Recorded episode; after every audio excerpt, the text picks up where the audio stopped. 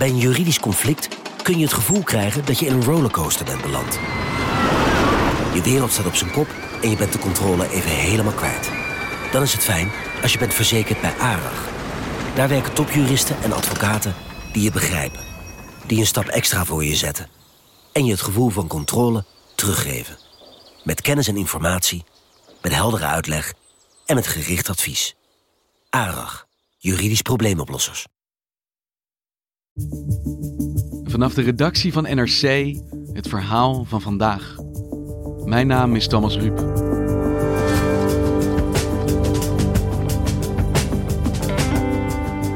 Vandaag gaat Nederland naar de stembus voor de Europese verkiezingen. Een verloren stem voor een zetel in een tandeloos instituut? Nee, zegt Europa-kolonist Caroline de Gruiter. Het Europese parlement heeft meer macht dan ooit tevoren. En daarmee dus ook jouw stem.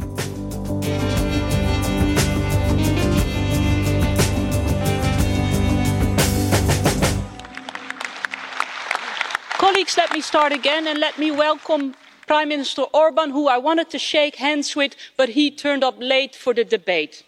Today, colleagues, we're debating the state of the rule of law, democracy and fundamental rights in Hungary. Dit was uh, Judith Sargentini, Nederlandse Europarlementariër van, van GroenLinks. En zij, uh, zij had net, dit was september 2018, ze had net een heel dik, uh, doorvrocht rapport gepresenteerd over Hongarije. Caroline de Gruiter schrijft columns over Europa voor NRC. meer dan 500 bladzijden over de rechtsstaat en hoe die langzamerhand wordt uitgekleed in Hongarije.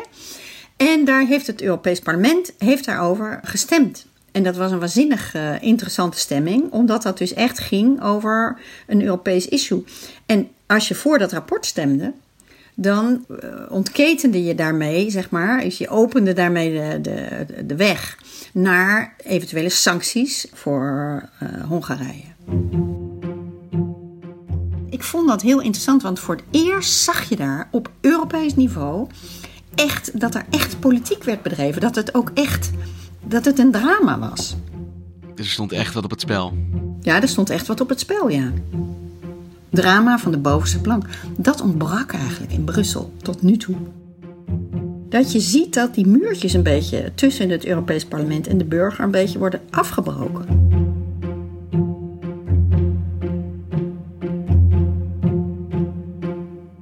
Waar komt het idee vandaan dat die muren zo groot zijn uh, tussen de burger en het Europees Parlement?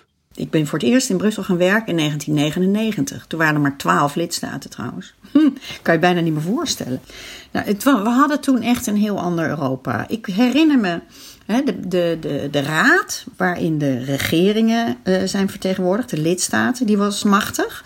Daar gingen we dus redelijk vaak heen. We gingen ook vaak langs bij de Europese Commissie. De Europese Commissie is natuurlijk zo, zeg maar de waakhond van alle Europese regels die we hebben.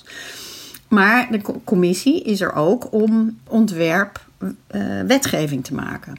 Dus daar gingen we ook naartoe als er weer nieuwe uh, wetgeving gepresenteerd werd. En ja, we kwamen eigenlijk niet zo vaak in het Europees Parlement. Dus die mensen, daar ging ik wel eens mee lunchen of daar ging ik wel eens langs. En die uh, gaven mij dan ongelooflijk veel inhoudelijke informatie. Alleen wat voor hen heel frustrerend was, uh, ja, ze konden zeggen wat ze wilden, maar de, de regeringsleiders en de ministers die dan in Brussel beslissingen namen, die beslisten dat onderling. Die hoefden dus geen rekening te houden met die Europarlementariërs. Want die zaten er eigenlijk een beetje voor niets. Die, die konden feitelijk niks doen of niet de, de loop van de zaken veranderen. Nee, en dit verklaart natuurlijk ook voor een deel waarom iedereen nog steeds denkt dat dat Europees Parlement geen deuk in een pakje boter slaat. Nou, dat is echt veranderd. Want we gaan vandaag stemmen voor het Europese parlement. En wat je veel hoort is toch mensen die zeggen: ja, waar stem je eigenlijk voor? Wat maakt het uit? Er gebeurt daar toch niks. Er wordt daar toch niks echt besloten. Maar jij zegt dat is een oud idee.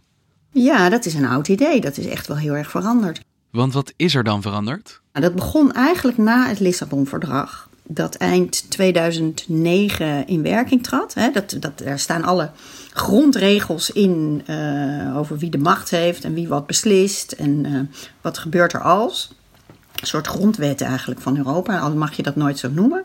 Sinds het Lissabon-verdrag moet het Europees Parlement instemmen met internationale verdragen die de ministers de lidstaten sluiten. En op welke manier zag je dat terug? In 2012 hebben ze voor het eerst daar echt gebruik van gemaakt. Toen moesten, kregen ze op hun bord ACTA. En ACTA dat gaat over intellectueel eigendom. Zorgen dat onze informatie uh, niet gestolen wordt door, ik noem maar wat, uh, China of Rusland of iemand anders. En het parlement heeft zich daarover gebogen en die dacht, ja, dat is allemaal leuk en fijn. Maar hierbij komt dus wel onze, onze burgerlijke vrijheden op internet en zo, die kunnen daarbij in het geding komen. Er kwamen heel veel burgergroeperingen, die kwamen dus lobbyen bij het Europese parlement om te zeggen, hé, hey, wakker worden, jullie mogen nog, godzijdank, er tegenwoordig over stemmen. Stem tegen, want dit is dit, kunnen, dit kan, kunnen grote bedrijven en ook regeringen gebruiken om ons uh, de mond te snoeren. En voor het eerst uh, mochten de Europarlementariërs daarover stemmen. En die hebben het gewoon keihard van tafel geveegd. Het Europees Parlement heeft vandaag het ACTA-verdrag, het anti-piraterijverdrag, verworpen. Tot grote opluchting van tegenstanders die al jaren tegen het verdrag protesteren. ACTA has now been rejected by five parliamentary committees. It's time to give it its last rites. It's time to allow its friends to mourn and for the rest of us to get on with our lives. Iedereen verbaasd, werkelijk. Ik herinner me dat nog. Het was echt schande. En wat denkt het Europees Parlement wel niet?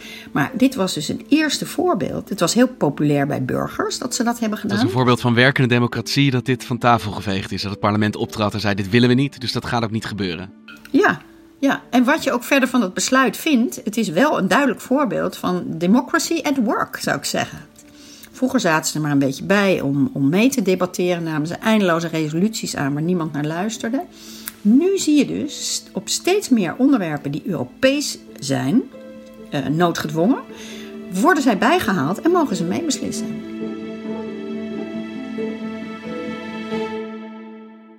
Is het niet zo dat met een toenemende macht van een Europees parlement dat automatisch ten koste moet gaan van de nationale macht. En dus eigenlijk ook ja, de invloed die je als burger hebt.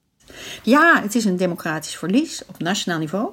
Tegelijkertijd word je gecompenseerd. Er komt iets voor terug op Europees niveau. En dat is maar goed ook, anders konden onze regeringen doen wat ze wilden in Europa. Zonder dat er pottenkijkers zijn, zonder dat iemand de vinger daar maar achter kan leggen. Niemand weet welke minister wat zegt en waarom. Er wordt nooit gestemd, maar iedereen neemt natuurlijk posities in. Maar zij doen dat uh, achter gesloten deuren. Dus jij hebt daar, zelfs als journalist in Brussel, maar heel weinig zicht op. Dit is het echte ondemocratische deel van, uh, van Europa, grappig genoeg.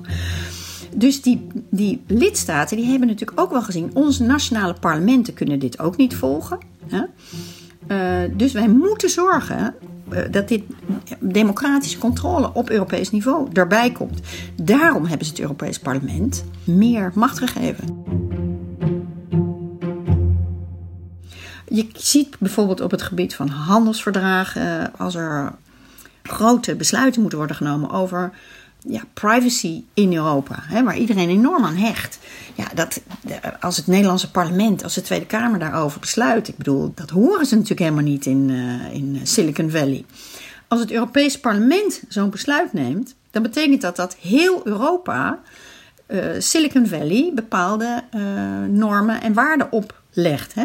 Jullie kunnen onze data niet meer zomaar uh, te pakken krijgen. Of dat, dat heeft, heeft een prijs. En als jullie onze regels overschrijden, dan krijgen jullie ook een enorme boete. Nou, dat gebeurt dus ook steeds vaker. Maar snap je dat mensen het eng vinden? Want het gaat natuurlijk in die discussie over Europa, over controle. En ja, je hoort toch dan het gevoel van als we nu niet opletten, dan uh, verliezen we in ons slaap alle controle over wat ons land nog kan en wil en mag. Ja, hè, want alles wat het Europees Parlement besluit, ja, daar kunnen ze in de Tweede Kamer niet meer over besluiten. Maar als burger, wij kunnen zowel in de nationale verkiezingen stemmen als in de Europese verkiezingen. Dus eigenlijk, we verliezen macht nationaal. Maar aangezien wij in Brussel voor het Europees Parlement kunnen stemmen, krijgen wij dus die macht als burger weer terug. We hebben allemaal twee petten op ons, op ons hoofd natuurlijk. De nationale pet, maar ook de Europese pet. Iemand die daar heel, heel veel, een heel interessant eh, boek over heeft geschreven is uh, Christina Eckes van de Universiteit van, van Amsterdam. En die heeft dat dus echt uitgeplozen op een aantal onderwerpen. Ik ben Christina Eckes, ik ben hoogleraar Europees Recht. En ik geef les op de UvA. En zelfs mijn studenten, die dus Europees recht bij mij studeren, twijfelen aan de waarde van hun stem in de Europese verkiezingen. Zij wijst er echt op dat het tijd is voor Europese burgers om te beseffen dat ze niet alleen maar verliezen nationaal, maar dat ze dat Europees terugkrijgen. Zij zegt eigenlijk: uh, Europese burgers zouden veel beter op de hoogte moeten zijn van de machten van het Europees Parlement en hun invloed op dat Europees Parlement. Het Europese Parlement is veel machtiger dan vele mensen zich realiseren.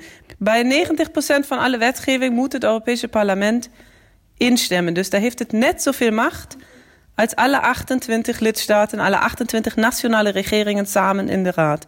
Dus die invloed hebben ze. En daarmee is op een bepaalde manier ook je stem. Dus het is vandaag eigenlijk wel heel belangrijk welke keuze je maakt. Het maakt nogal wat uit of je een heel parlement hebt vol met, met uh, rechtsnationalisten.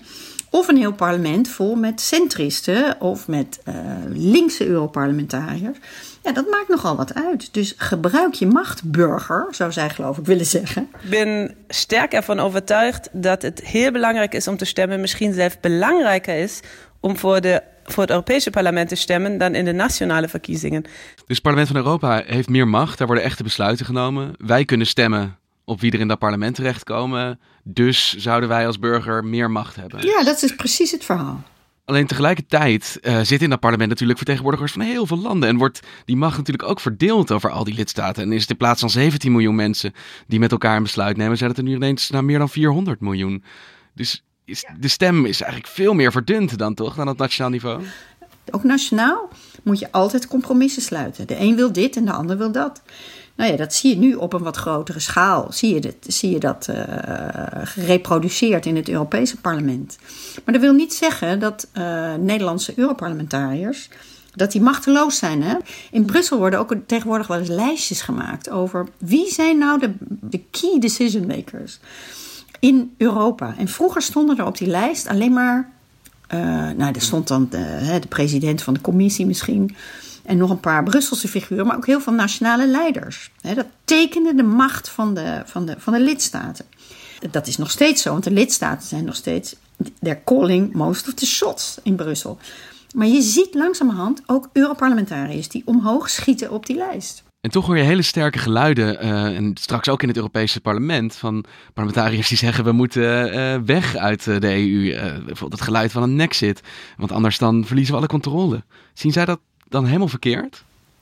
Nou, ik denk ook dat we dat niet. Um, kijk, als je een beetje uitzoomt, dan zie je dat het aantal mensen in Europa dat een exit bepleiten, twee jaar geleden hoger was dan nu. En dat komt denk ik een beetje door ja, wat ze wel eens het BTP-effect noemen. Hè? Brexit, Trump en Poetin. Uh, heeft iedereen toch zoiets van hmm, dat Europa, hè, er gaan heel veel dingen mis. Dat is ook zo. Um, dus um, ja, we moeten er maar uit. Dat, dat wordt een beetje overschaduwd door toch een gevoel van, ja, jeetje, als we maar uit elkaar vallen, dan worden we natuurlijk, eh, dan vallen we ten prooi aan de Chinezen en de Russen en de Amerikanen tegenwoordig ook. Die proberen uh, ja, ons het vel over de oren te trekken. We better stay together.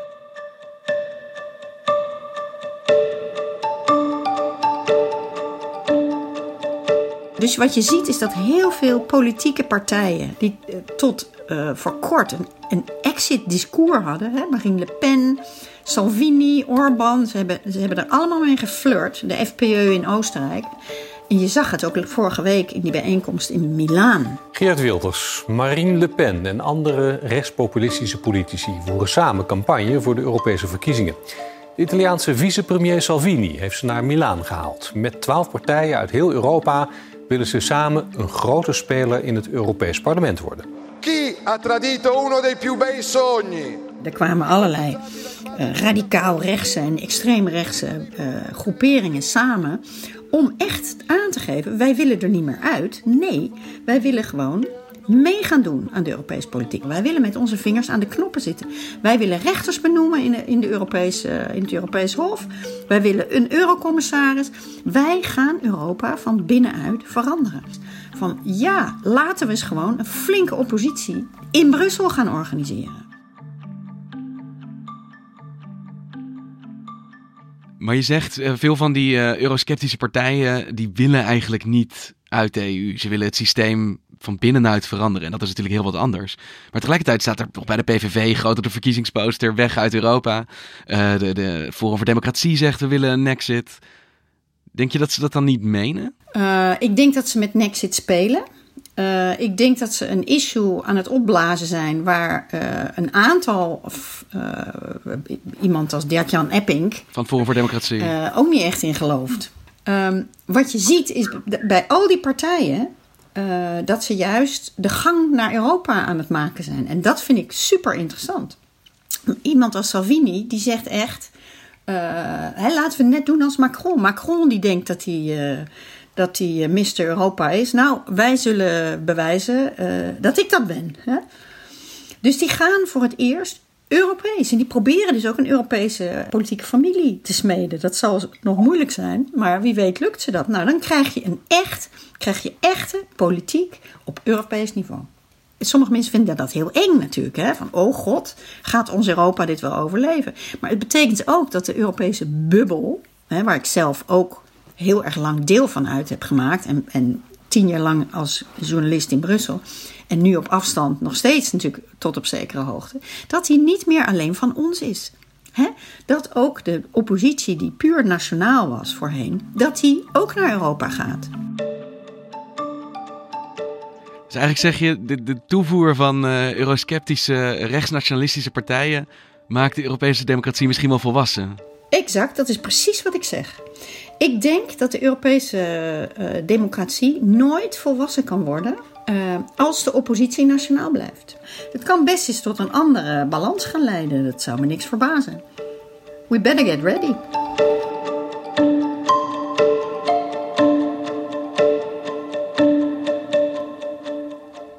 Hey Carolien, jij woont in Oslo. Uh, ik neem aan dat jij ook vanuit daar gewoon kunt stemmen vandaag? Oh, ik heb al lang gestemd. Ik heb al uh, twee maanden geleden gestemd. Want het, ja, ik woon dan iedere keer weer in een ander land. Dus vroeger moest je dan iedere keer weer naar de ambassade, de Nederlandse ambassade in je nieuwe land. Maar tegenwoordig hebben ze een, uh, hebben ze een register in Den Haag voor, buitenland, voor Nederlanders in het buitenland. Nou ja, zo kan je dat allemaal via e-mail doen. Uiteindelijk moet je alles printen en scannen en opsturen, et cetera. Het is een beetje gedoe. Maar um, ja, zo stem ik.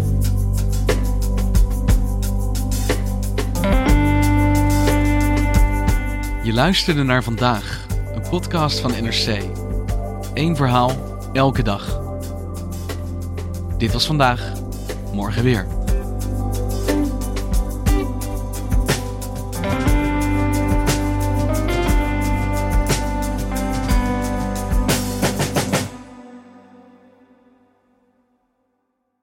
Een maatschappij waarin iedereen meedoet.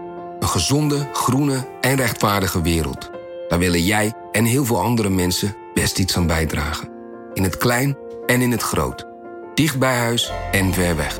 Zo hebben we vorig jaar 349 miljoen euro bij elkaar gebracht. Miljoenen waarmee onze goede doelenpartners de wereld elke dag een beetje beter kunnen maken. Nationale Postcode Loterij. Samen voor een betere wereld.